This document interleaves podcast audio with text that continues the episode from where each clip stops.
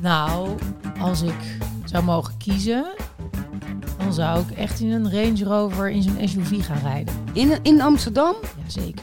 Dat vind ik altijd zo'n onzin. Mensen die zo'n auto hebben. Dit is weer zo raar dat jij dit zegt. Ja, dat zou ik echt heel Vrouwtje. Pollewop met haar tuinfetish wil in een Range Rover Ja, rijden à la gewoon- Amsterdam-Zuid. Ja, dat vind ik gewoon zulke mooie auto's. Ja, maar dan, dan moet je op de mooi. boerderij wonen, maar toch niet. Nee, maar dan kan je gewoon prima in de stad wonen. Zoveel van. Ik zou dat, dat zou ik meteen aanschaffen. Nou, vertel. Bridget, ga los. Maar dit past zo niet bij jou. Ja, ik vind het echt gewoon... Ja, ik ben denk ik... Ja, Flabbergast, ja echt. dat zou echt...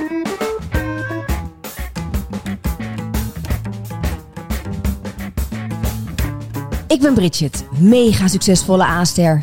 Het leven lacht me toe.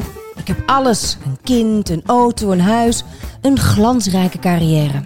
Het enige dat ik nog mis is een podcast. Maar daar komt nu verandering in. Samen met Justine en Clarice.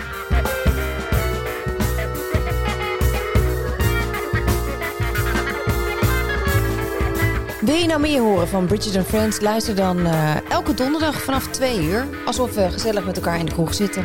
Ik hoop dat je erbij bent. Tot dan!